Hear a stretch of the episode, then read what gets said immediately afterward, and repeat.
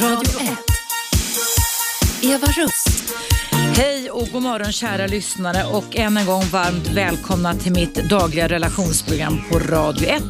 Sveriges nya och bästa pratradio. Idag ska jag prata om högexplosiva parrelationer.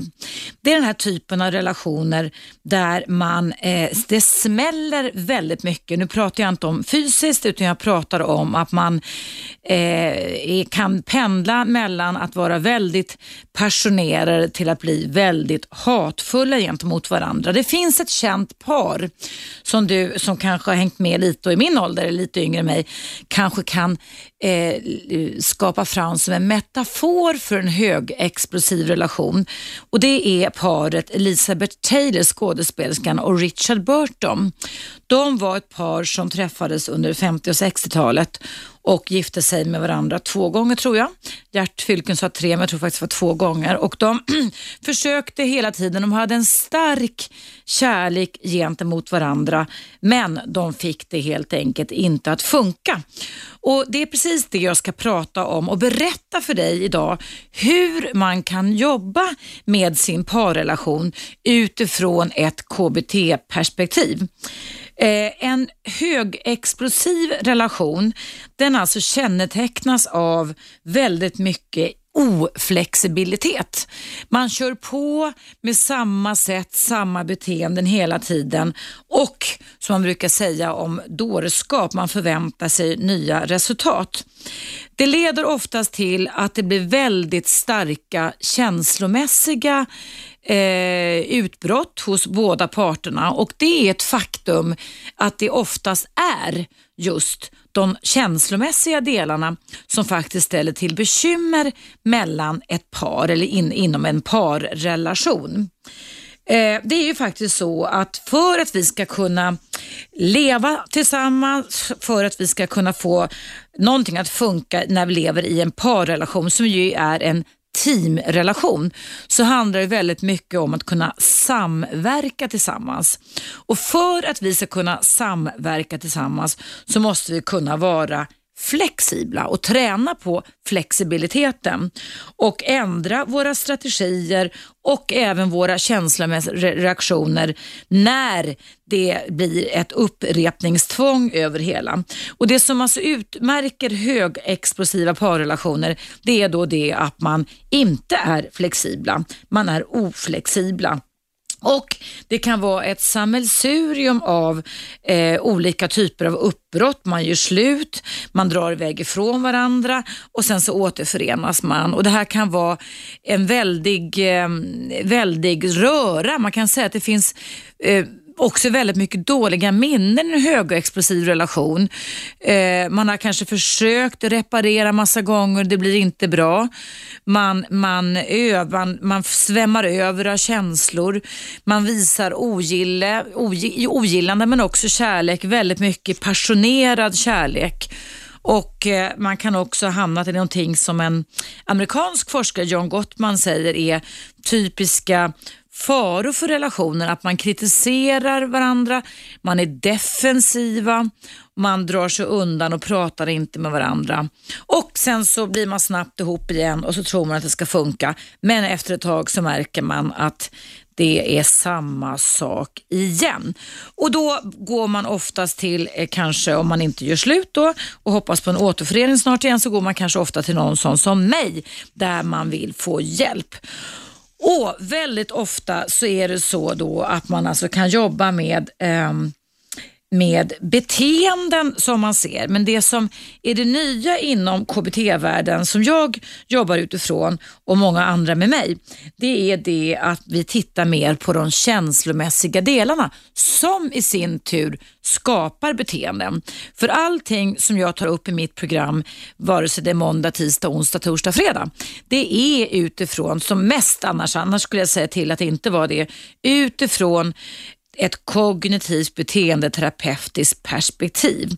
Och då är själva eh, teorin och vetenskapen den att Känslor och tankar tillsammans, tankar och känslor tillsammans skapar inre bilder, skapar förväntningar som sen blir till olika typer av strategier och beteenden.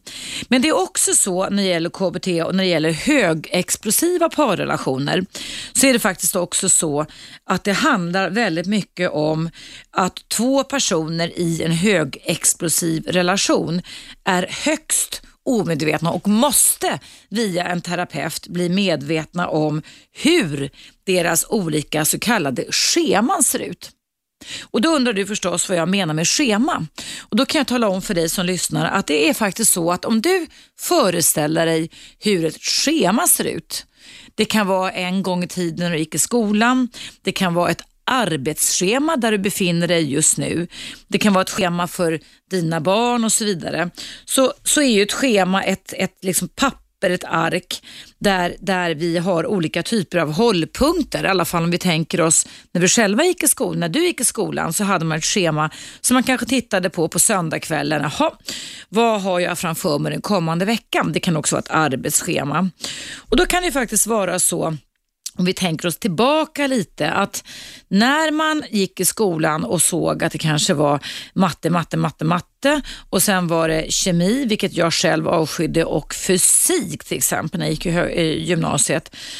Då kunde jag få ett obehag i kroppen eftersom jag inte gillade varken matte, kemi eller fysik. Därför att jag också hade blivit förstärkt i föreställningen om att jag var kass i de ämnena. Så när jag tittade på mitt skolschema när jag gick i gymnasiet på söndagskvällen så kunde jag känna ett obehag eftersom jag hade dragit ut en föreställning kring mig själv att jag var kass i matte, fysik och kemi.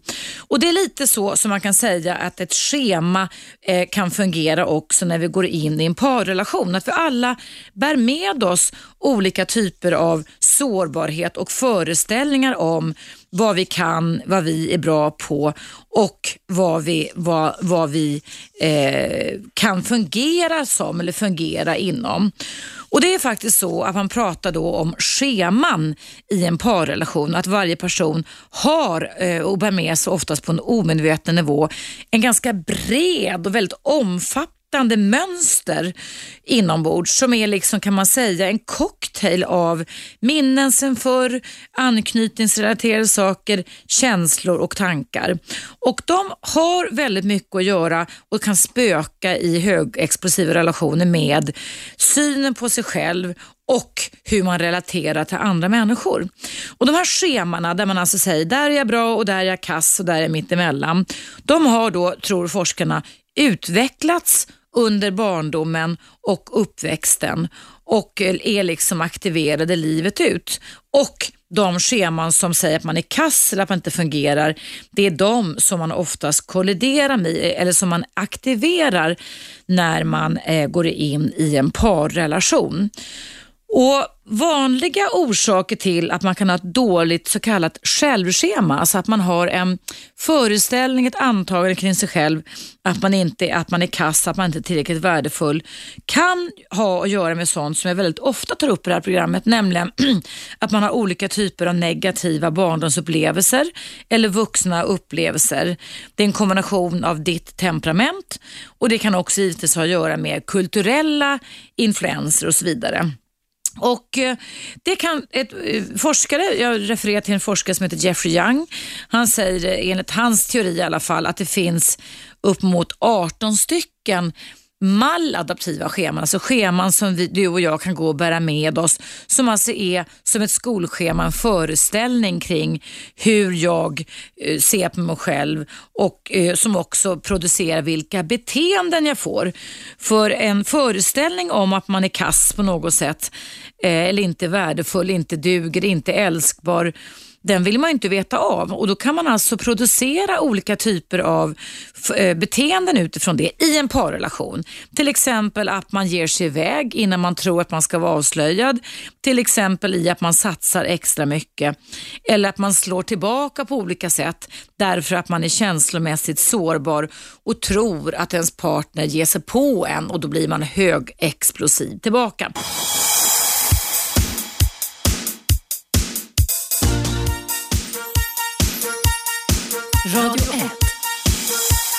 Russ. Välkommen tillbaka. Idag i mitt relationsprogram pratar jag om högexplosiva parrelationer. Du vet de här relationerna där det smäller som bara den och det kan vara en salig blandning, en väldig cocktail av eh, uppbrytanden, man gör slut och man återförenas och man är liksom länkade fast i varandra. Och Det finns faktiskt en kemisk förklaring kring den här typen av attraktion med, nämligen den att alla de här starka känslorna skapar en bindning i hjärnan hos paret som gör att det gör lika ont att både återförenas som att göra slut. Och Då är man alltså lite fast, om du tänker att man är fast på en jolle ut i den stormiga Atlanten och eh, ingen kan lämna båten för då kommer andra gå under. Eh, Elizabeth Taylor och Richard Burton var ett par, båda är avlidna nu, som eh, var kända för den här typen av högexplosiv relation. Och en högexplosiv parrelation handlar väldigt mycket om de personernas, de parternas egen individuella känslomässiga sårbarhet och en oförmåga att kunna vara flexibla. För att vi ska kunna leva tillsammans måste vi träna flexibilitet och det är oftast känslomässiga delarna som ställer till bekymmer. Jag berättade innan pausen här att vi människor har enligt KBT-teorin och vetenskapen olika typer av scheman som är alltså en slags föreställning, ett antagande om oss själva som å ena sidan kan vara stöttande, jag är älskbar, jag är bra, men också kan vara hindrande. Och beroende på hur vår uppväxt har varit, det behöver inte ha varit någon extremt dålig uppväxt på något sätt, men i alla fall om vi inte har fått alla våra känslomässiga behov mötta, som till exempel trygghet, säkerhet, förutsägbarhet, kärlek, uppmärksamhet, acceptans, eh, empati, autonomi, att någon bekräftar dina tankar och känslor och realistiska gränser så kan det alltså på en omedveten känslomässig nivå hos ett litet barn uppstå en föreställning som alltså blir som ett skolschema att jag är inte bra. Och det, eh, en forskare, Jeffrey Young, som, jag, som är världsledande i det här och som jag har gått kurs för i USA. Eh, han kommer också till Sverige och har kurser emellanåt, men i alla fall. Han hävdar då att det finns 18 stycken olika som man säger, dåliga scheman som kan spöka inom oss. Och Det kan då ha att göra med eh, till exempel övergivenhet, att man går omkring och känner sig övergiven, att man misströstar, att du misströstar, att man känner sig känslomässigt nedstämd, Eh, att man är extremt sårbar, att man skäms över sig själv, att man tror att man är defekt, att man har någon defekt. Att man är eh, socialt isolerad, att man tror att man ska misslyckas, att man tror att man måste uppoffra sig själv, alltså självuppoffrande. Eh, att man är ständigt negativt inställd, att man tror att man är superior, att man är över alla andra. Att man håller tillbaka sina känslor, alltså emotionellt inhiberad. Eller att man är bestraffande gentemot andra. Eh, man kan också vara uppmärksamhetssökande. Och alla de här typerna av scheman är liksom normala, men de är inte normala om de upprepas för mycket i en parrelation. För vad som kan leda till om man går omkring och tror, alltså har en föreställning om sig själv att man är övergiven, att man är misslyckad, att man är defekt, att, att alla är negativa mot mig, att jag inte har rätt att uttrycka känslor och så vidare. Det kan då leda till att man alltså försöker hantera de här schemaföreställningarna på olika sätt i en relation. Och ofta så kan det då bli ett upprepningstvång, att man alltså kör samma strategi hela tiden. Man kan bli till exempel klängig, så man släpper aldrig taget vad som än händer. Man kan bli väldigt kontrollerande, man kan bli manipulerande, man kan bli beroende av den andra, så att det spelar ingen roll hur man än kraschar in i varandra i parrelationer så stannar man kvar. Man kan bli aggressiv, man försvarar sig, man kan isolera sig, alltså man lämnar huset, sticker och drar iväg och man kan bli väldigt omhändertagande så att man alltså tar i för mycket istället då. Och De här två olika typerna av beteenden kan vi alltid ha i våra liv gentemot andra och i våra kärleks och parrelationer. Men vad jag pratar om idag det är alltså högexplosiva parrelationer när det blir för mycket av allting så att man alltså är ohälsosamma gentemot varandra när man bryter ner varandra i en relation. Och Tittar man då på det, vad som behövs i en parrelation, en kärleksrelation, så pratar man ju oftast om kemi. Att det ska finnas en kemi, en attraktion mellan två personer.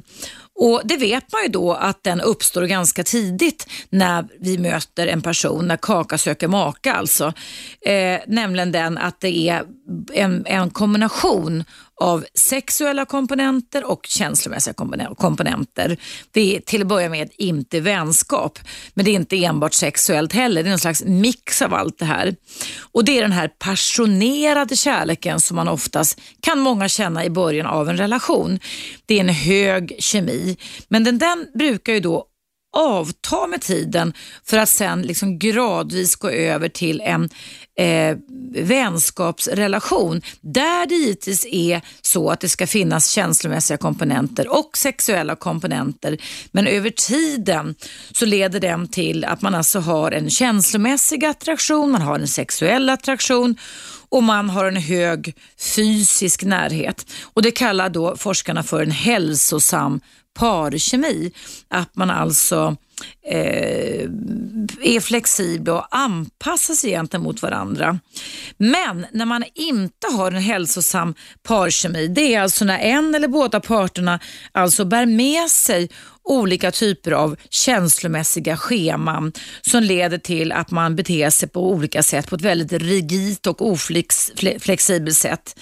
Till exempel så kan man till exempel bara idealisera partnern hela tiden, man ser bara positiva saker och då går det, finns det liksom ingen möte där, det finns inget känslomässigt möte när man ska försöka förstå varandra och kommunicera relationen.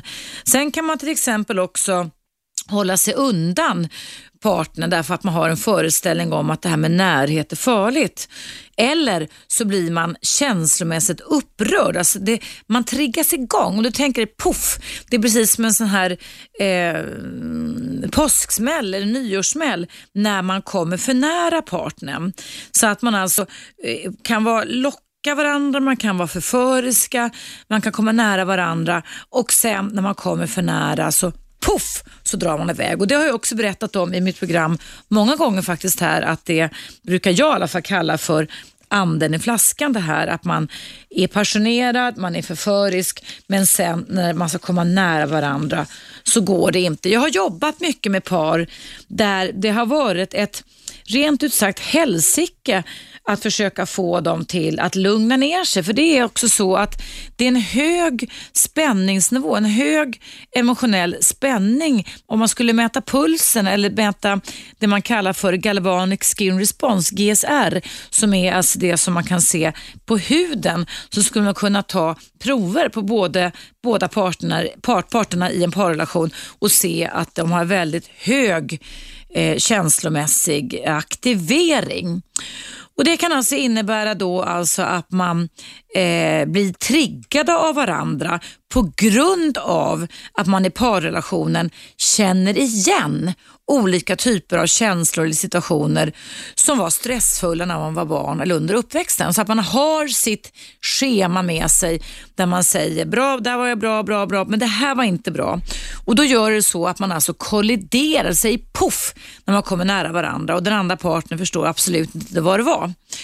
Den här kemin, alltså man säger poff och blir man högexplosiv, kan alltså aktiveras och leda till att man till exempel stannar kvar i relationen fast det gör ont eftersom den här kemin på en omedveten nivå känns familjär och spännande. Eh, så att man kan alltså söka sig till varandra och få den här bumerangrelationen, den här jojo-relationen trots att det gör ont eftersom det är någonting som jag känner igen. Men sen kan man också göra slut hela tiden också därför att det gör för mycket ont och då kan det bli den här oönskade effekten att det blir en jojo-relation, en bumerangrelation där man ömsom idealiserar partnern och ömsom inte når partnern och när man kommer för nära varandra så lägger man benen på ryggen och springer. Uh, och Det här kan man alltså komma till rätta med i olika typer av parterapier. Och Vad man säger forskarna då, vad, som, vad kan vara orsaker till parproblem så finns det en hel radda här som jag kan berätta för dig om som är klassiker som man säger att det här är oftast orsaken till att man i en parrelation inte får att funka. Nämligen det här med de känslomässiga delarna. Så du som lyssnar nu, du behöver alltså inte, man behöver inte ha, även om det är bra med likartade, och likartade värderingar, så är alltså en av de absolut viktigaste strategierna och även tanke och beteendemässiga strategierna i en parrelation, det är flexibilitet.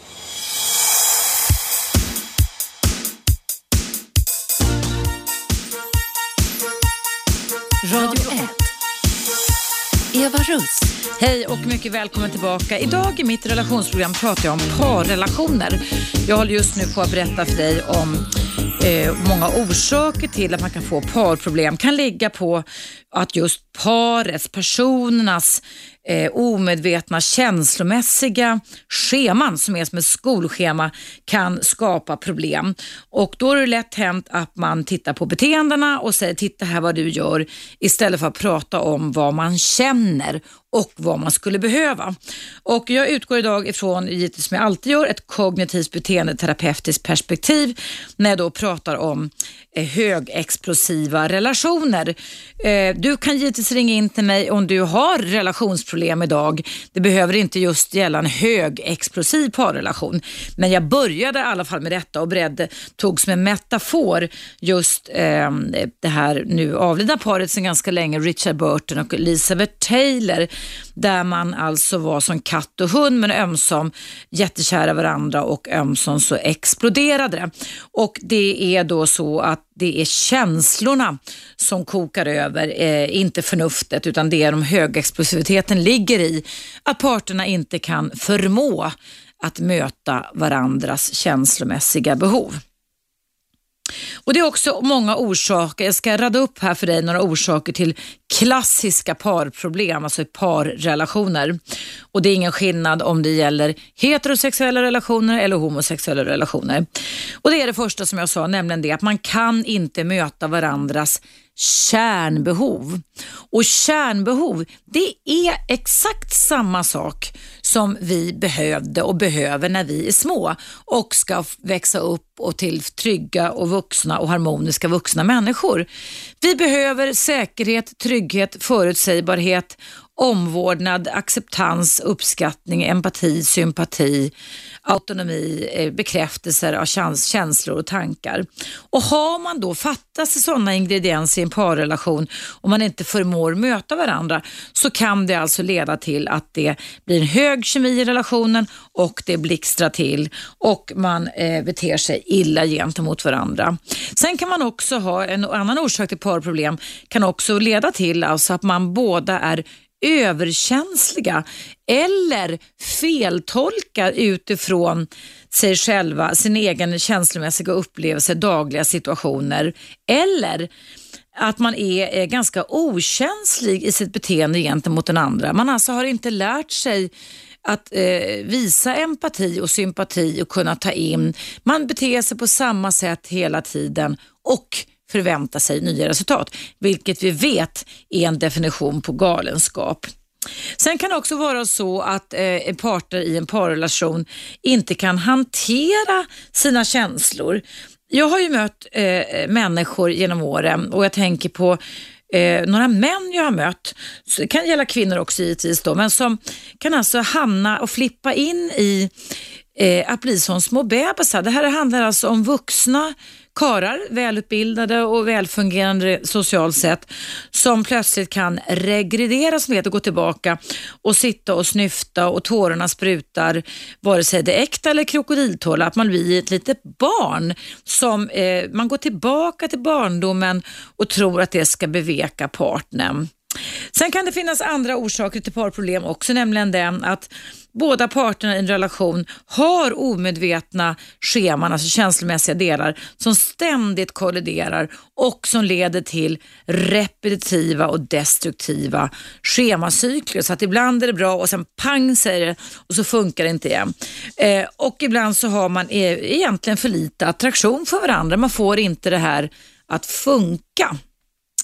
Och eh, det som är vad man ska göra då när man känner att det blir en högexplosiv relation, ja det är givetvis det som inte går att reparera när man pratar om terapi med högexplosiva parrelationer, det är ju då om det finns alltså, fysiska våldsamheter, om det finns missbruk, om det finns en pågående otrohetsaffär eh, hos den andra, partnern parten håller på med. Eller om eh, den ena parten i parrelationen har ett eh, mål som inte terapeuten till exempel, om man kommer till sån som mig, inte håller med om. Det måste man vara överens om. Då får man liksom lägga ner det här och rekommendera skilsmässa. Men det man ska göra när man har en högexplosiv relation, det är då att försöka träna ett par till att agera hälsosamt vuxna. Att kunna hjälpa att sätta ord på och att kunna förstå och möta varandras olika typer av känslomässiga behov. Att hjälpa sig att hantera när man flippar in och blir sådär barnslig och högexplosiv och dum och tror att man är övergiven, tror att den andra vill en illa, tror att det är något fel på en, tror att man är misslyckad. Jag kan radda upp en hel radda på olika typer av föreställningar man kan ha. Då ska man ta ett kliv tillbaka och granska och fråga sig själv, är det verkligen sant det här? Är det verkligen så att jag måste flippa in i det här arga, övergivna barnet? Är det verkligen så Eh, är det verkligen så att min partner verkligen är ute efter att vara elak mot mig eller är det så att jag måste förstå mig själv bättre och lära mig att både förstå och identifiera mina kanske egna barnsliga sinnesstämningar. Och Det innebär då att man alltså i en parrelation som är högexplosiv kan med terapeutens hjälp så kan man träna paret på att både förstå hur och vilka känslomässiga behov som kan leda till olika typer av problem eller överreaktioner. Sen kan man också jobba med att träna paret på att, för, att besvara de här, kunna vara lyhörda för den andra personens barnsliga sinnesstämning och beteenden och liksom hjälpa varandra att reparera det här igen.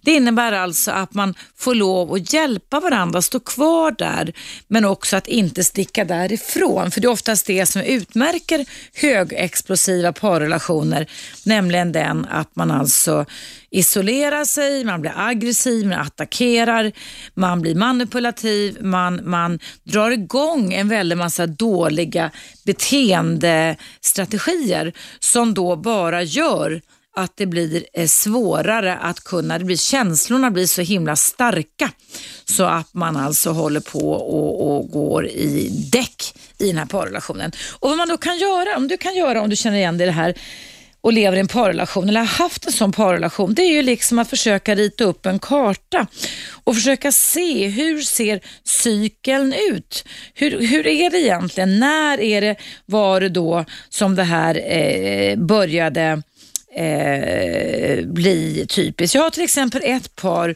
framför mig som jag har jobbat väldigt mycket med, parterapi. Tyvärr gick det inte så himla bra med dem ändå. Och Det var så då att det var ett välfungerande par utåt sett som tyckte väldigt mycket om varandra.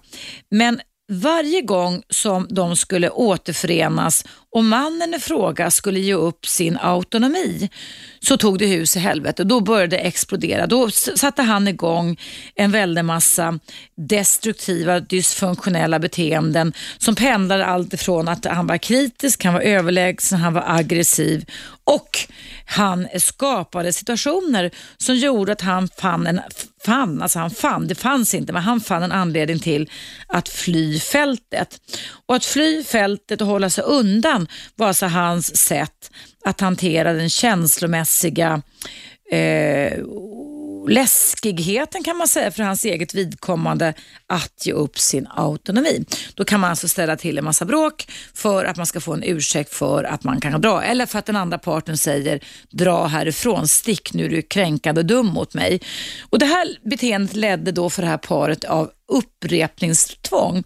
Så det var ingenting, alltså det var på en, på en medveten förnuftig nivå så ville den här personen och den här mannen inget hellre än att knyta an till sin, eh, i det här fallet fru eller kvinna då. Men varje gång han skulle göra det så sket det sig. Så att säga, han var tvungen att skapa en massa problem för att få en anledning att dra. Och Det handlar då om de känslomässiga delarna. Och där kan man ju anta, vilket jag tror i alla fall i det här fallet, att det handlar om en person som är ganska ordentligt och rejält känslomässigt skadad. Den partnern, eh, den här personen också eh, avvek ifrån terapin när han fick kritik på sig. Så det funkar inte heller att ha terapi med någon som inte stannar kvar i rummet. Så det var alltså permanenta mönster som satt i och som gjorde att det var svårt att få någon förändring igång. Men är man beredd att stanna kvar och är man beredd att våga vara kvar även fast det känns konstigt och det gör lite ont under en terapeuts ledning så går det alltså att identifiera, förstå, lära känna att, och förstå att det är de känslomässiga delarna. Alltså, vad är det för behov min partner har just nu när han eller hon beter sig sådär knasigt och högexplosivt?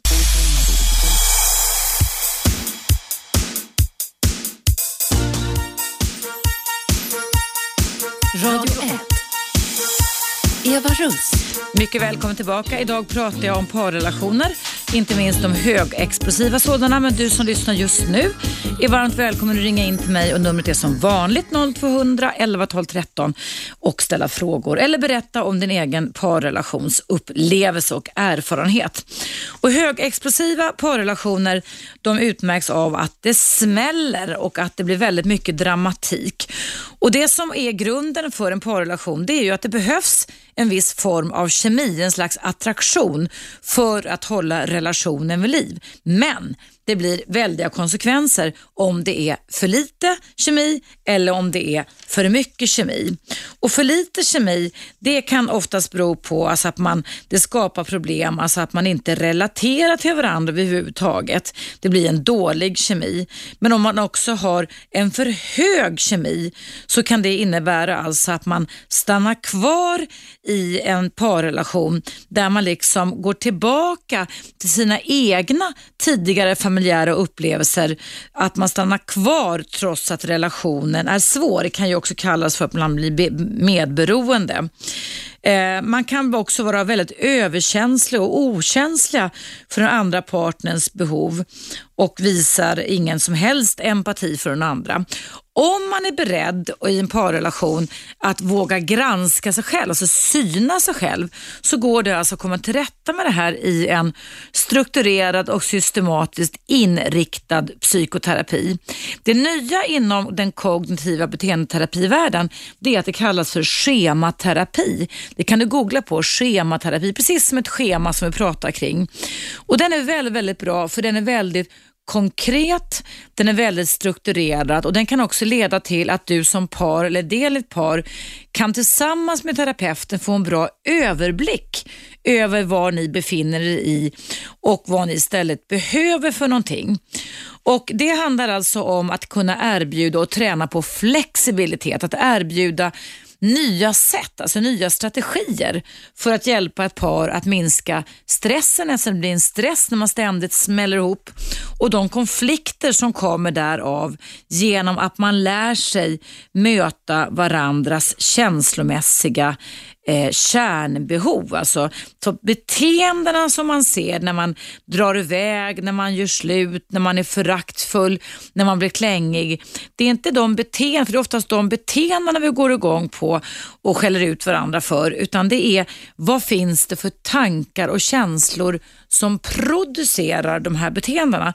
Och Det är där det gäller då när man har en högexplosiv, en högkemirelation, att stanna upp och oavsett om det inte känns någonting alls eller om man känner sig jätte, jätterädd eller jätteförtvivlad, alltså där känslorna verkligen kokar, då ska man inte producera massa beteenden, utan då ska man lära sig olika typer av tekniker av terapeuten tillsammans med terapeuten för att kunna gå ner i varv, för att kunna eh, eh lugna ner sig och därmed kunna granska, precis som jag pratade tidigare om, när man har en överdriven rädsla för någonting, en fobi som leder till flyktbeteenden, så ska man alltså granska om det här faran verkligen är så farlig. Att komma nära att försvinna, att någon skäller på mig, så det, ska det liksom leda till, är det verkligen nödvändigt att jag ska behöva flippa in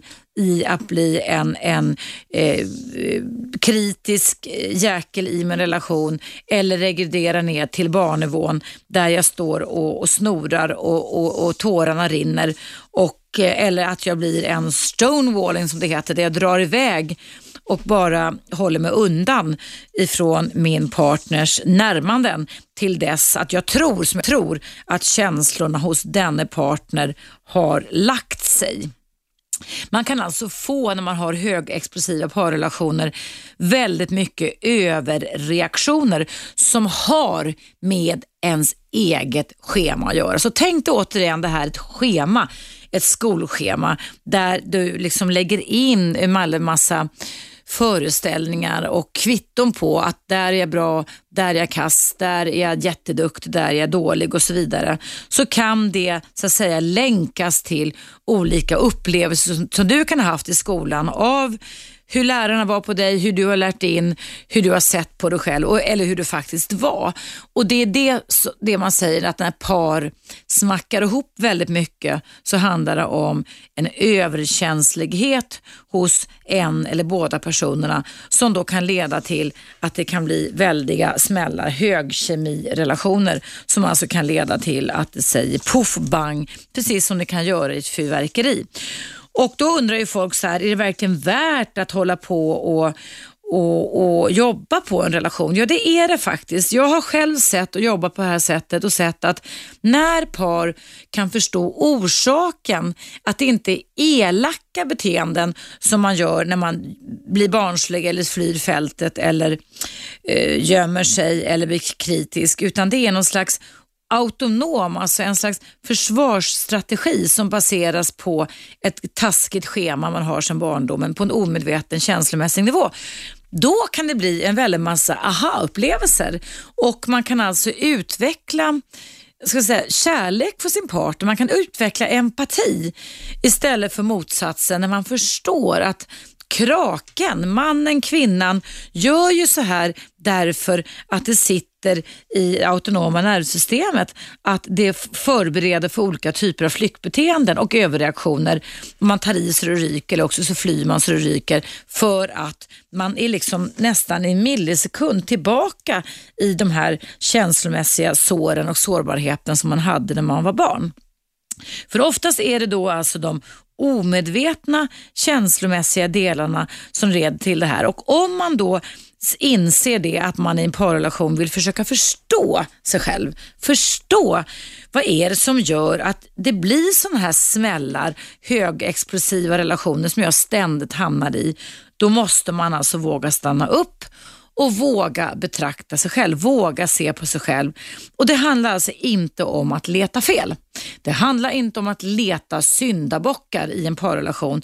Det handlar om att leta och försöka förstå vilka kärnbehov, vad är det du behöver när du beter dig som du gör?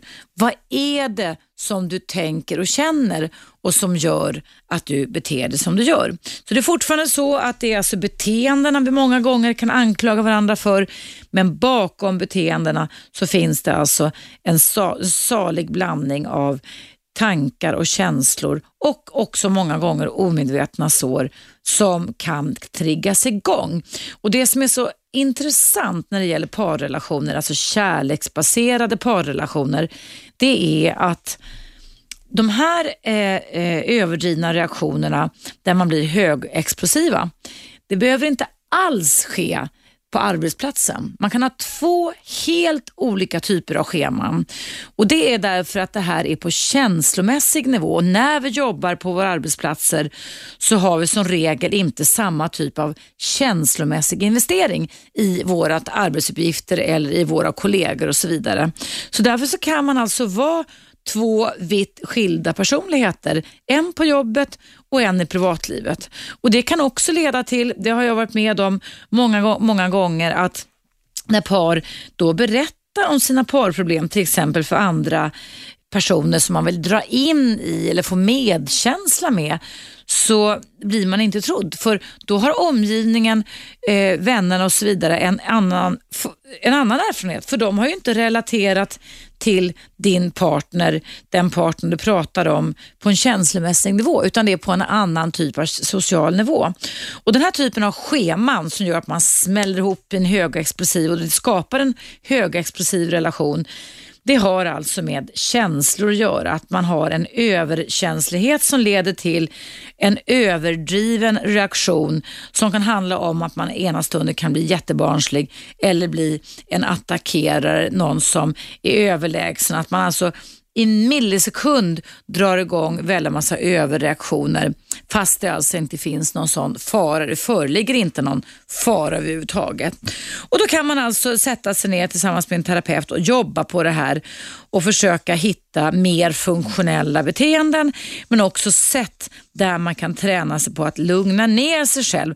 Och när man har lugnat ner sig själv så är det också, och inte dragit, inte stuckit iväg eller gått till angrepp, då finns det också möjligheter till, eller inte gjort slut också för den delen, då finns det också möjlighet till att skapa det man kallar för en hälsosam kemi där man eh, eh, stannar kvar, utforskar tankar och känslor och förbereder därmed kroppen för andra typer av beteenden än de beteenden som oftast högexplosiva relationer kan skapa, nämligen kamp, att man tar i så det ryker eller flykt, man drar därifrån. Och Sen när allting har lugnat ner sig så sugs man gentemot varandra som magneter igen tills det smäller igen och så drar man iväg igen. Så det kan bli många, många år av eh, jojo-relationer eller bumerangrelationer där man utarmar varandra men också blir beroende av varandra. Det blir ett beroende på en hjärnmässig nivå när man har en högexplosiv relation. Men som sagt var, är det fysisk misshandel, är det eh, otrohetsaffärer och andra saker, då ska man lägga benen på ryggen och springa. Då finns det ingen anledning ens att gå i en parterapi om det är den typen av val som ena parten har gjort. Men om det är så att det inte finns fysisk misshandel, en otrohetsaffär som man vägrar släppa eller andra konstiga etiska eller värderingsladdade grunder, eh, då, som till exempel att den ena parten kan tycka att det är helt okej okay att man ska få ha sex med andra partners några gånger per år eller checka in på de här otrohetssajterna.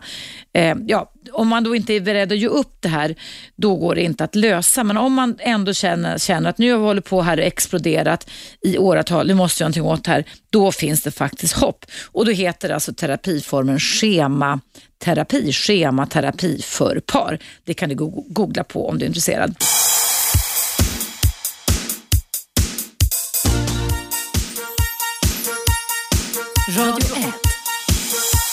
Eva Russ.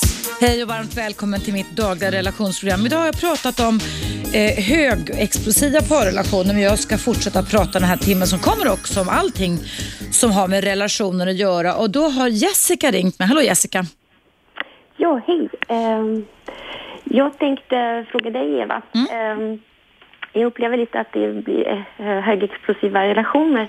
Uh, jag känner igen det där som du säger att man kan ha helt olika uh, uh, uppfattningar, alltså sociala beteende i olika miljöer. Sådär. Mm. Jag känner att min partner kan bli väldigt explosiv då i hemmasammanhanget och uh, han kan liksom dra igång sådär på små saker och som en millisekund som du pratade om mm. igen, och bli, bli väldigt arg och sådär. Mm och inte alls uppfattas så där i andra sociala sammanhang. Ja, så du känner igen att det, man kan vara två olika typer av personligheter nästan kan man tycka, ja. eller hur? Ja, precis. Och um, det här explosivitet känner jag igen också i, i, inom par, alltså i vår parrelation men också Eh, det kan triggas igång eh, när barnen är inblandade också. Mm. Hur, hur, länge har ni levt tillsammans Jessica? Eh, ja, det blir 18-19 år nu. 18-19 år. Och ni har hur många barn då? Två. Två barn, okej. Okay. Mm. Ja, två barn. Mm. Så äh, jag känner, jag skulle väl, jag liksom har föreslagit flera gånger att jag kanske skulle göra äh, någonting åt det här mm. och försöka tackla med det. Men jag vet inte, han verkar inte äh, ge respons till det här. Så jag, jag vet, hur, hur skulle vi konkret kunna mm, mm. börja med någonting? Ja, ja, ni skulle ju kunna sätta er själva. Alltså, om inte du får iväg din man till någon terapeut till att börja med, mm. så skulle ni ju faktiskt, det är en väldigt bra fråga Jessica, ni skulle kunna sätta er ner liksom och bara säga att, att okej, okay, då får vi försöka lösa det själva. Och kartlägga lite bakåt och se vilka typiska situationer är det som ni tycker att ni känner igen, där, som du tycker är jobbigt, alltså mm. när han går igång, så får han väl göra samma sak för dig. Alltså förstår du? Ja, ja. Så att ni liksom tittar tillbaka, som jag sa, det här med relationscykler, inte cykel ja. utan cykler. När är det som det börjar hetta till? Va? Och så kan man alltså titta på en sån typisk situation. Och när man jobbar med KBT så tar man en situation i taget och försöker vända lite ut och in. Va? Och mm. Då kan man då se, okej, okay, diskutera, där, där och titta lite på era beteenden. Alltså vad är det som oftast brukar trig trigga, alltså få igång din, dig eller din man i sådana fall då? Och hur ser hans beteende ut, han reagerar? Va? Mm. Det, men då och, och, och, jag är överens om det, liksom, känner han igen det? Ja, så är det ju oftast. Va? Och mm. då är liksom nästa vår, när man ska prata om schema, säga så här, vad är det du känner då? Vad är det du skulle behöva då innan du blir arg? Alltså, du blir arg för någonting, men vad är, det du, vad är det för känslomässig bit? Vad är det för beteende från dig då Jessica som jag skulle behöva göra för att du inte skulle bli arg? För argen, argheten är ju liksom beteenden som kommer för att det är någonting i honom som triggas igång. Va? Mm. I, och där skulle ni kunna ha en diskussion och som jag sa, inte skuldbelägga utan snarare nästan kanske mm. småle lite åt och säga att nu har vi lyssnat på det här programmet och det här är faktiskt ganska ny vetenskap från USA som sprider sig i Sverige mer kan jag säga då inom KBT-världen. Och Det är så bra för att det, det handlar inte om att skuldbelägga utan så här, vad är det du behöver just då? Ja. Och sen också som jag sa det här, om jag jämförde Jessica, det här med fobier. Att, jag vet inte om du har hört i mitt program tidigare, jag säger det att vuxna människor kan nu på vår, försommaren här tro att en liten svensk skogsspindel ska hoppa upp och döda dem. Alltså reaktionerna blir så starka. Va? Och Det är samma sak, exakt samma sak i millisekund i en relation som är högexplosiv. Mm. Att reaktionen i ö, när, din man till exempel är jättearg så står ju inte reaktionen i paritet med vad ni diskuterade, eller hur? Nej, verkligen inte. Så det kan du berätta om det här med skogsspindel. Det är en ganska bra metafor, tycker jag, en väldigt bra bild för hur vi människor kan överreagera. Mm. Så att det gäller liksom att titta på, och det kan ju du börja fundera lite på, vad är det för typiska situationer? Det kanske också är så Jessica, är det så att ni har kunnat lösa någonting under de här åren ni har varit tillsammans också? Ja, alltså vi har löst eh, många saker. Bra. Just så jag känner att jag gärna vill jobba vidare om man säger så. Ja, och det ska man alltid göra Jessica faktiskt. Man ska aldrig luta sig tillbaka i en parrelation mm. utan mm. man måste hålla igång en öppenhet för det. Kan du ge något exempel på vad ni tillsammans har lyckats lösa de här, under de här åren? Som när någonting har varit ett problem och det liksom har blivit bättre sen? Um, ja, vad ska man säga? Jag, min partner till exempel uh, uttryckte behov att uh, ja, han hade väldigt mycket inom jobbet och uh, han tyckte att han, uh, han kanske skulle behöva och, och, och hemma också. Mm. Så han att han skulle behöva mer, eh, att jag skulle ta mer ansvar sådär och hjälpa honom. Vi har liksom gjort stora renoveringar i huset sådär. Så vi mm. satt oss och tittade konkret på vad vi skulle kunna göra och vad jag skulle kunna göra för att avlasta honom mer och sådär. Mm, bra, och det funkade? Ja, ja det tycker jag liksom, i alla fall att jag kunna hitta. Och det är ju ett väldigt bra exempel på där han hade ett behov. Som, men som sagt, det, jag, jag, är övertygad om att när han då blir sådär arg, så att säga, då är det också en form av behov som han kanske själv behöver gå och lura lite på. Alltså, Men också vad han skulle vilja be dig att du skulle göra för honom. För det handlar om att man ska försöka läka varandras lite Mm. skadade scheman. Alla människor har skadade scheman, så det finns in, det, ingen har ett perfekt schema. Förstår du? Det, det finns inte liksom. Nej, nej. Men, men vi liksom har en sårbarhet. Jag tänker på, jag berättade i programmet om ett par jag jobbat med som det inte funkade med, där alltså mannen inte var ett dugg intresserad av att vilja förstå sig själv eller ens vilja våga öppna upp och titta. Och Det ledde ju till det här jojot att så fort när de liksom var nästan i hamn så var han tvungen att sticka iväg igen. Och, och Kvinnan sa att den här mannen luktade stark svettutsöndring. Förstår du? Att det är alltså rädslan kan leda till, som är inte ofogad. För att han ville vara, leva med den här kvinnan men han förmådde inte. Och Det är ett typiskt schemaanfall där de är jättekära varandra och sen puff så gör han slut. Va? Mm, mm.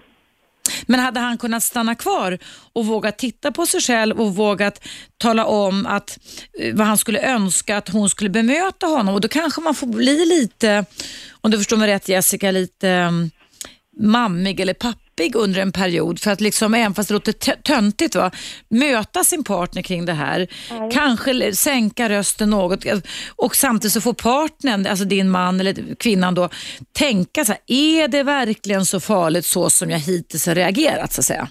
Det här med skogsbindeln så att säga, som en metafor. Nej, att man rationaliserar lite. Mm. Ja, ja. Så att en situation, så att om du funderar lite på det här, du kan ju låta din man eh, så att han ska lyssna på programmet i repris. Det går ju klockan 22 varje kväll i repris på vardagar och även via webben, alltid. Va? Så kan man ju ha det som en utgångspunkt.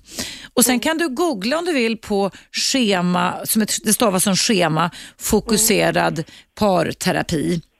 Det finns ganska, jag tror det finns på svenska också ganska mycket skrivet. Det börjar komma mer och mer hit i alla fall till Sverige. Mm. Ja, men bra. Vad roligt! Så då fick du någonting att börja googla på. Tack för att du ringde in Jessica och berättade. Lycka till så länge. Hör gärna av dig längre fram och berätta hur det går. Ja. Tack snälla. Ha en trevlig helg också. Detsamma. Hej då. Hej.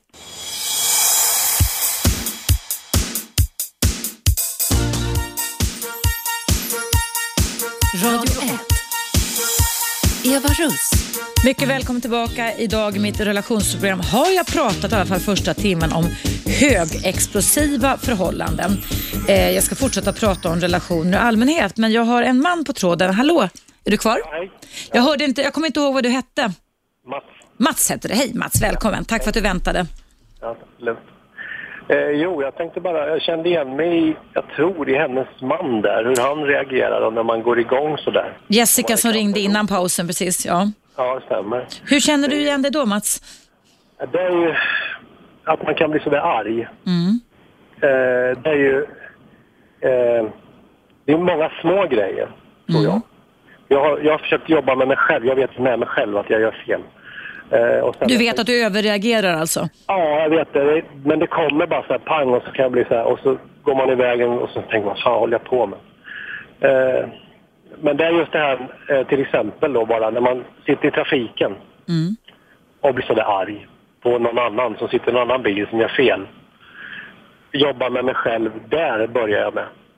Att liksom bli inte så arg andra Bra. tio gånger. Bra. Liksom, och sen liksom försöka tänka lite istället. Mm. Eh, Han hör ju inte det i alla fall. Men, men just de här grejerna att det låter väl lite barnsligt kanske, men det som jag kände att jag behövde mera, det var ju var kärlek.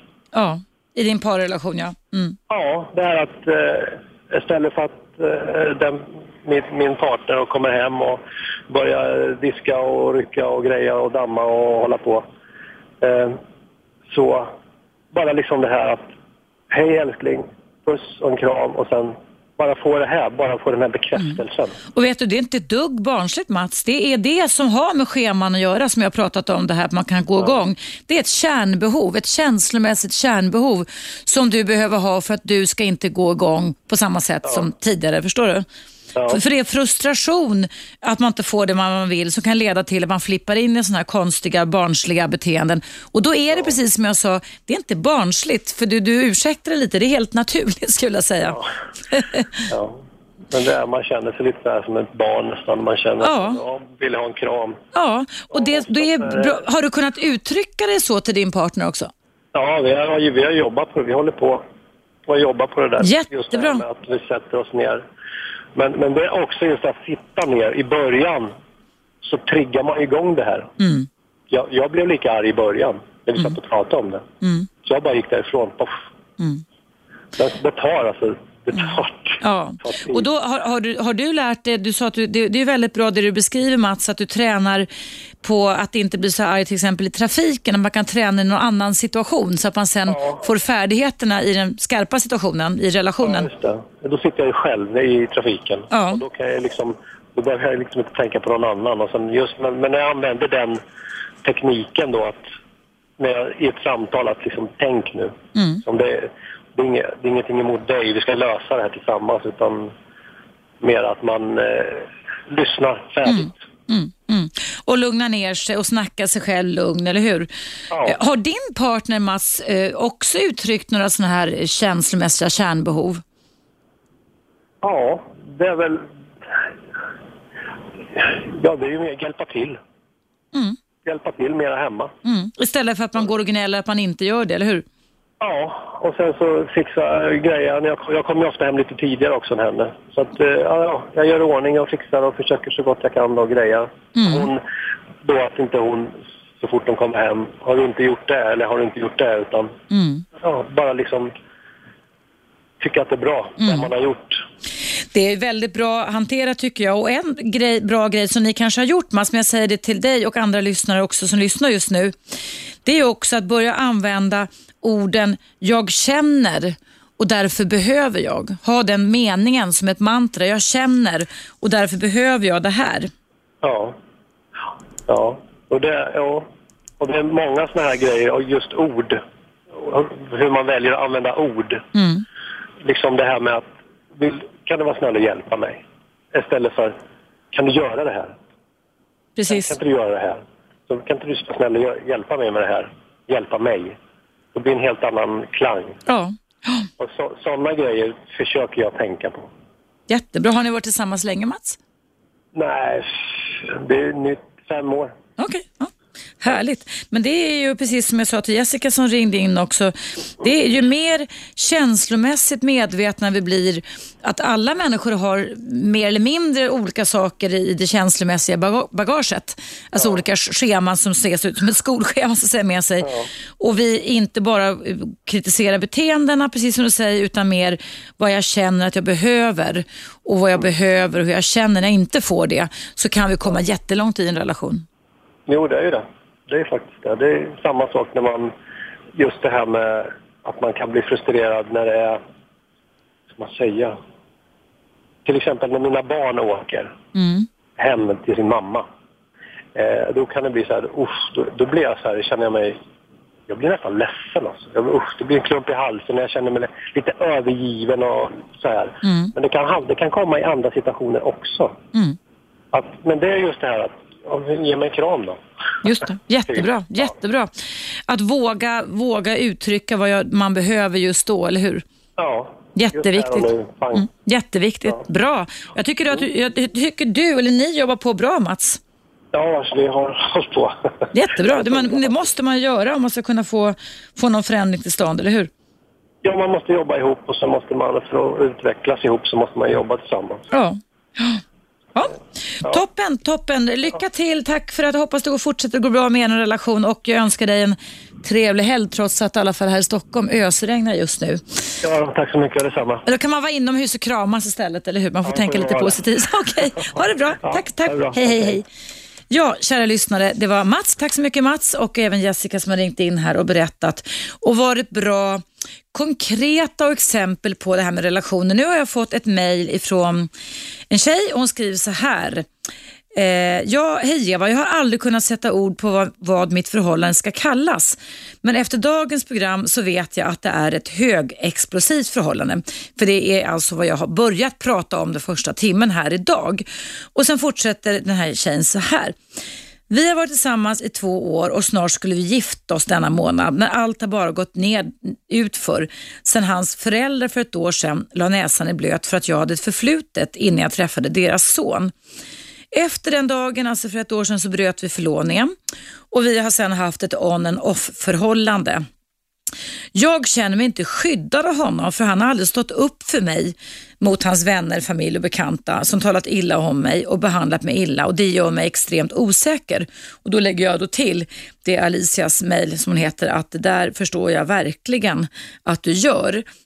Eh, och Det verkar då som att den här mannen, jag kan inte läsa alltihopa, han pendlar mellan att vara sina föräldrar till lags och vilja ha uppmärksamhet och bekräftelse där. Och Det verkar som att tiden inte räcker till utan att han då eh, eh, sätter sin fästmö eller flickvän som är då du i andra hand. Och han har lovat en massa saker, precis som jag säger, på en förnuftig nivå. Lovat en massa saker mellan himmel och jord, mindre jobb och allt vad det är. Men sen så drar han igång igen och går tillbaka enligt brevskriven här på ruta ett. Ehm, och törs inte då, jag tror inte han vill Alicia, jag tror att han törs inte prata med sina föräldrar. Jag tror han är väldigt bunden till dem och eh, han vågar inte hävda sig själv. Han har lite självuppoffringsschema skulle jag vilja tro. Self-sacrifice, det är ett av de här 18 schemana som kan ställa till bekymmer när man ska få det att funka en parrelation. Och så skriver du också avslutningsvis att ni älskar varandra jättemycket. Eh, och sen skriver du också lite längre fram att det också har lett till att eh, du har börjat säga dumma saker till honom och råkat slå honom några gånger, vilket du skäms över. Eh, ja, det blir precis så att det exploderar, man blir galen och sen har också Alicia här börjat bli eh, deprimerad.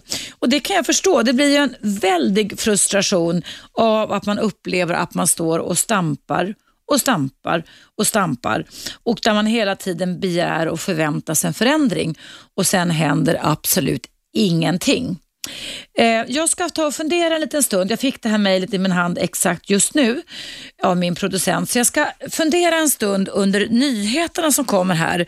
Vad är det för råd jag ska ge Alicia som har mejlat mig och som alltså har kommit på nu då med tanke på mitt programs start här idag om högexplosiva parrelationer. Hur eller vad hon ska kunna göra eftersom hon säger att hon och hennes man eller tidigare blivande man är extremt kära i varandra och nu känner hon sig som en zombie och äter antidepressivt. Klassiskt skulle jag vilja säga.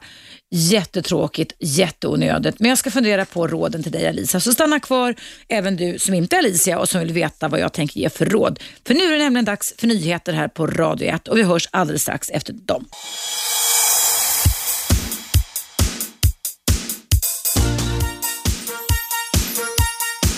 Radio 1.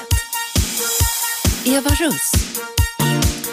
Mycket välkommen tillbaka. I mitt dagliga relationsprogram idag har jag börjat att prata om och ge teorier och förklaringar och råd kring hur du som lever i en högexplosiv relation ska kunna hantera den. Och innan pausen så lovade jag att ge Alicia råd. Alicia nämligen mejlat till mig och berättar att hon känner igen sig i beskrivningarna av ett högexplosivt förhållande. Hon har varit tillsammans med en kille i två år där han och hans föräldrar vägrar släppa taget om det hennes förflutna. Plus att han också enligt henne jobbar alldeles för mycket och det leder till att hon eh, känner sig otrygg, övergiven och att hon inte eh, ens känner att hon är i ett förhållande. De gör till och från slut, men just nu är det slut. Men sannolikheten är väl, tänker jag i alla fall, ganska stor att de blir ihop igen. Men då vill jag säga till Alicia och dig, du som känner igen dig. Fortsätt inte med det här jojandet utan ta en paus nu. Använd pausen till att ta, använd papper och penna och fundera över vilka konkreta, till att börja med enkla saker, specifika saker skulle kunna leda till att det skulle kunna bli lite, lite bättre. Rom byggdes inte på en dag. Vi kan inte förändra allting med en enda nafs. Nummer ett är givetvis det att det finns en commitment, alltså att, att ni, att ni är, är överens om ni ska återförenas, att ni vill kämpa på. Det, må, det får alltså inte finnas någon annan där i bakgrund eller någon, någon eh, eh backup person av något slag utan antingen så ska, är det ni och utifrån det så gäller det att hålla sig fast vid det beslutet. Det är commitment, alltså att man har bestämt sig för det här. Det är nummer ett då. Om det nu skulle vara så att du Alicia som mejlar mig kommer dit i alla fall. Eh, men som sagt var, sen finns det också då olika typer av regler. Och Jag skulle säga det då att ständigt hålla på älta och mala det förflutna som du inte kan ändra på är totalt dödfött.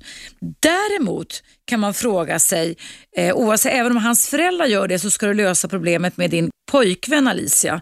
Det är alltså att fråga då vad väcker det för tankar hos din pojkvän, det, det förflutna som har varit? Det har ju passerat redan. Du kan inte göra om det som redan har passerat. Gjort är gjort. Men vad är det han känner? Vad är det han tänker? Att försöka ta reda på var i denna aktivering kommer ifrån den kille. Kan man inte svara på det så är regel nummer två, förutom att ni bestämt er för att ni ska kämpa tillsammans, att säga punkt och sätta punkt. Vi kan inte lösa det som redan har varit. Vi kan inte lösa det som redan har varit. Däremot så kan det finnas önskemål som din kille kan ha gentemot dig på specifika beteenden, hur han skulle önska att du gjorde för honom och så vidare. Men då får han inte koppla ihop det med det förflutna utan mer här och nu. Vad han behöver just nu och hur han skulle önska att du uttryckte det. Och På samma sätt gäller också för dig Elicia att eh, att eh, eh, fundera lite över vad du behöver och hur du behöver. Och Då tänker jag lite på det här med scheman som jag har pratat om i programmet. Om du är nytillkommen lyssnare så rekommenderar jag dig att lyssna på reprisen antingen på webben eller på ikväll klockan 22. Jag har nämligen berättat för dig som lyssnar vad scheman är, det funkar, funkar alltså som ett skolschema där man kan ha olika typer av sårbarhet med sig sedan barndomen. Och Då tänker jag på Alicia som mejlat mig att jag undrar om inte det är så att du eh, har lite lätt för att känna dig övergiven. Och nu när det är slut med dig din kille så hamnar du i en slags tomhetsdepression. Eh, det blir mycket svartvitt tänkande, men just den här övergivenheten när din kille jobbar extremt mycket som egen företagare tror jag är någonting du skulle behöva jobba på. Du skulle jobba på det. Att, eh, men, men sen behöver du också givetvis olika typer av relaterande beteenden. Och eh, din kille, och ni kan ju inte ha en relation där ett, ni håller på och, eller de håller på att aktivera någonting som redan är gjort, så gjort är gjort. Och två, så går det inte att ha en relation om man aldrig ses. Så det gäller ju då att försöka komma med konkreta förslag, alltså punkter när det skulle kunna vara möjligt att ni skulle kunna relatera till varandra. Så stå i förbindelse betyder ordet relation. Alltså när skulle ni kunna schemalägga det nästan när ni ska kunna ses eftersom du säger att ni älskar varandra. Eh, men alltså föra in regler här och nu. Vi pratar inte om framtiden, vi pratar inte om dåtiden. Eh, ni ska leva här och nu och då försöka få en vecka, två veckor, tre veckor där ni lever här och nu. Och jobbar på att vara lyhörda för varandra, att vara lyhörda. Och Det innebär att stanna upp, fråga dig själv Alicia, vad, vad behöver jag just nu? Vad känner jag att jag behöver och vad tror jag ska hända? Så att du alltså ser en skillnad och börjar ta ansvar för kanske då dina överreaktioner. Sen vad det gäller din kille Alicia så tittar jag på min lista här om, om vanliga sådana här eh, moods, alltså sinnesstämningar och strategier man kan komma in i. Och Det låter ju lite som att det är en kille som är väldigt styrd över sina föräldrar, är väldigt självuppoffrande, att han har svårt att sätta egna gränser och han eh, är, är mån om att han ska få mycket beröm och då räcker det inte med berömmet ifrån dig utan ifrån föräldrarna. Så det verkar som att han verkar i sin egen värld för att han ska kunna vara något eller ä, ä, bli något i sina föräldrars ögon som han är matad med. Och Det är ju lite varning där tycker jag att han inte kanske då har fått hjälp att klippa navelsträngen riktigt. Det går inte att, eller i alla fall det är väldigt svårt att leva med en person som fortfarande eh, bete sig som vuxen på ett sätt för att man ska göra sina föräldrar nöjda. Det är ju faktiskt så att eh, han ska göra sin fästmö eller blivande fru nöjd eh, och då får man avstå från detta. Så det är lite omogenhet där. Men det ska du inte gå hem och säga till honom utan snarare då eh, vara lite konkret med vad du behöver att han ska göra. Förutom då att committa sig till att ni ska kämpa ihop. Men du behöver också jobba på att inte känna dig övergiven. Eh, det låter som att det är ganska mycket negativa tankar du har. Eh, men det är klart, ses ni aldrig så kan jag förstå att man känner sig otrygg. Men det kan ju också vara så, det känner jag till sen många, många jag mött, att ibland kan den ena partnern jobba jättemycket, alltså investera i arbetsmarknadsavsättning, eh, alltså jobba som en galning, vare sig det är egen regi eller annat, för att de tror att det på det sättet de bidrar till parets lycka eller till att man visar för sin partner att man är good enough. Så det kan finnas många schemaspöken som man kan kalla det för, om föreställningar kring sig själv. Um, och Alicia, just det här med antidepp, att du äter antidepressiva och liksom halkar ner sådär snabbt låter för mig som en tomhetsdepression. Men då ska du fortsätta äta antidepressiva tycker jag minst ett halvår. För det är faktiskt evidens också i min värld att om man äter antidepressiva tabletter och sen jobbar till exempel i en terapi eller jobbar med sig själv på något annat sätt, då får oftast eh, behandlingar man går på mycket bättre fäste.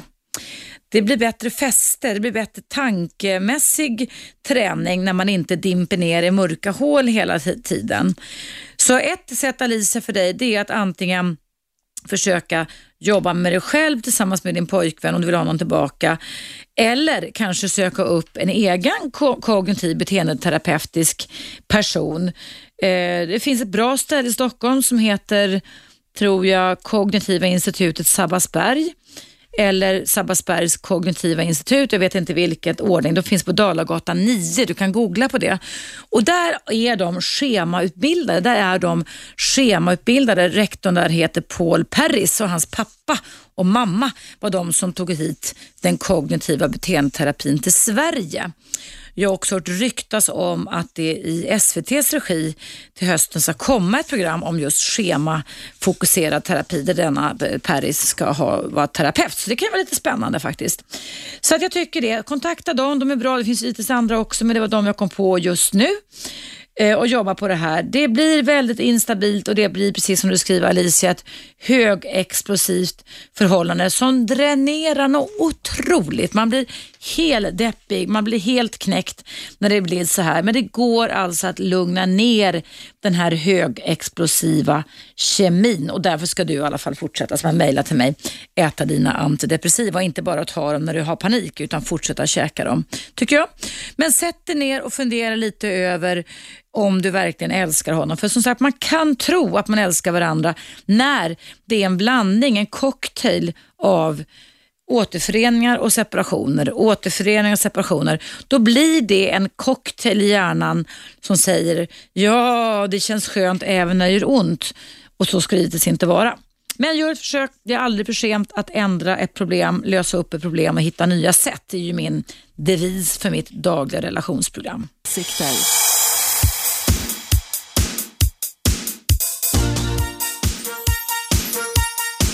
Radio 1. Eva Russ. Varmt välkommen tillbaka. Idag i mitt relationsprogram har jag pratat om högexplosiva relationer. Och Det är de här relationerna där det smackar och smäller och det är en hög kemi som kan leda till att man ömsom gör slut och ömsom blir passionerat förälskade i varandra igen. Men det tråkiga med den typen av relationer det är att man sällan går så mycket framåt. Jag har kommenterat eh, ett mejl ifrån en flicka som heter Alicia som hamnat i en sån innan pausen och jag har också dragit igenom kan man säga hela den teori som finns till att det kan bli den här typen av krascher. Det går faktiskt att, eh, om man ska säga hela ganska mycket i en parrelation under förutsättning att personerna själva kan se vinsten och vitsen med att man till exempel då satsar pengar på och tid på att gå i en parterapi. När det gäller högexplosiva relationer så rekommenderar jag inget annat än kognitiv beteendeterapi. Det är totalt waste of time att hålla på med psykodynamisk psykoterapi, även om psykodynamisk terapi är fortfarande är väldigt, väldigt bra för väldigt, väldigt många människor. Så tycker jag då att man ska leta efter, du ska leta efter en KBT-psykoterapeut och gärna fråga om det är någon som har en så kallad schemafokuserad utbildning, en schematerapiutbildning.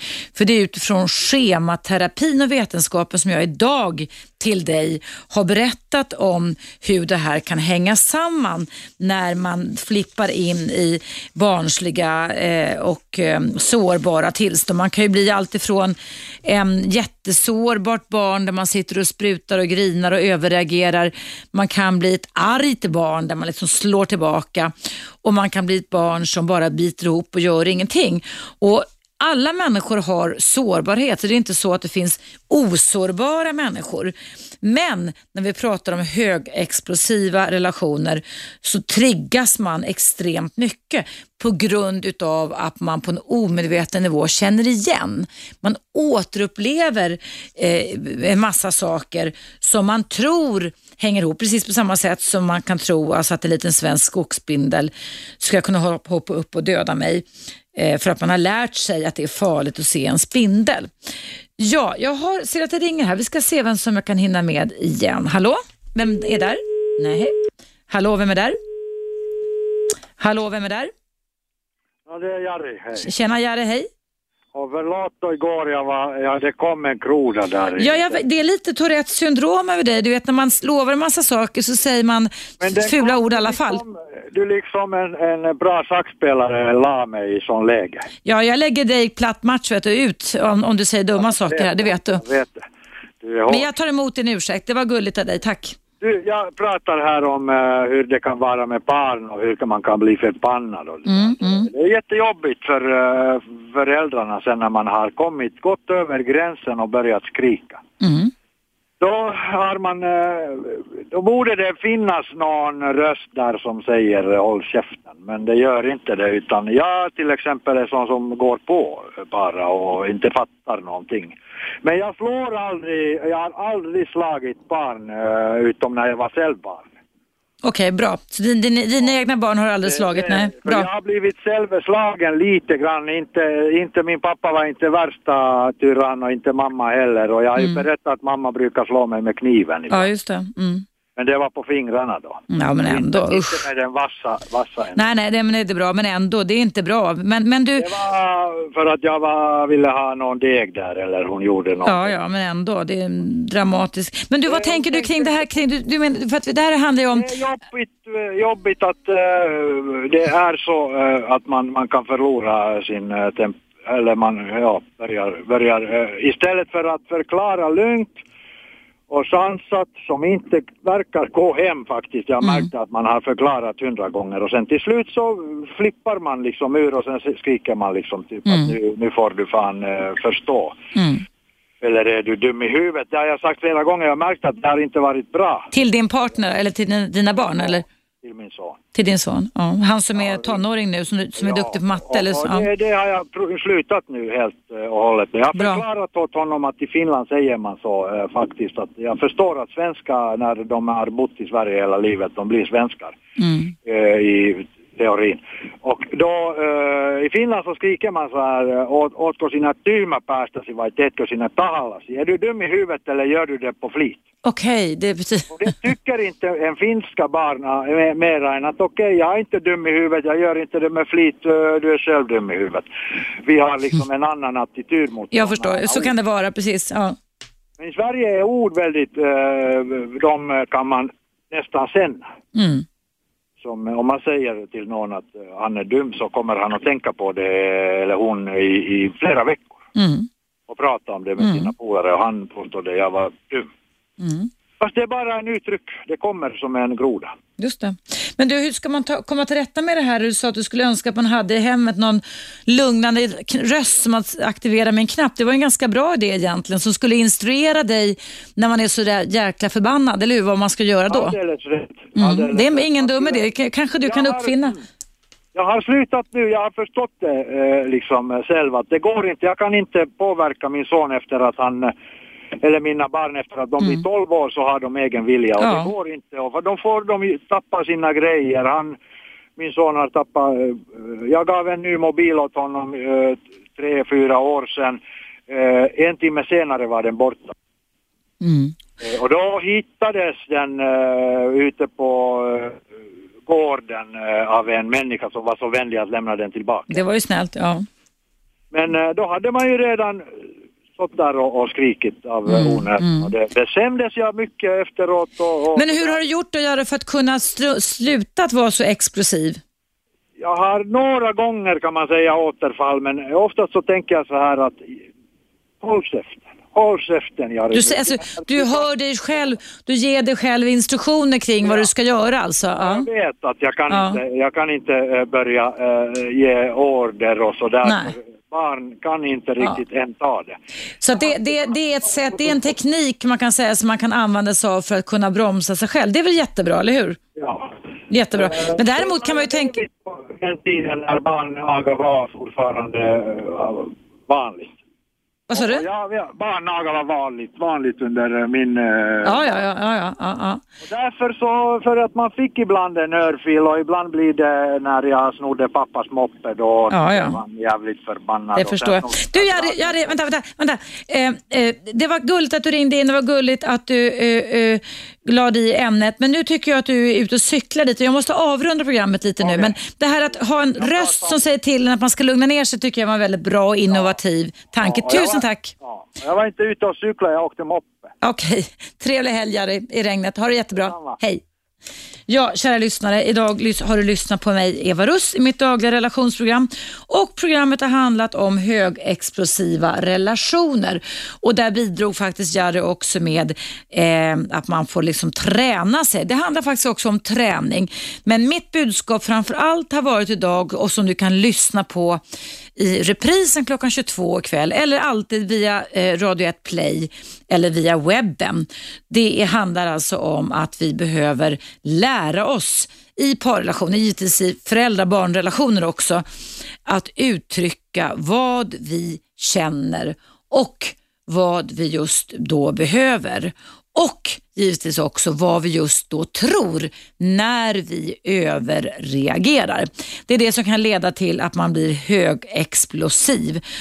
Och det går alltså med insikt, med en viss utbildning och med träning så går det alltså att komma till rätta med väldigt många olika typer av tillstånd som annars kan sabotera för oss och göra att vi blir osams i onödan i våra parrelationer. 101,9 Radio 1. Sveriges nya pratradio.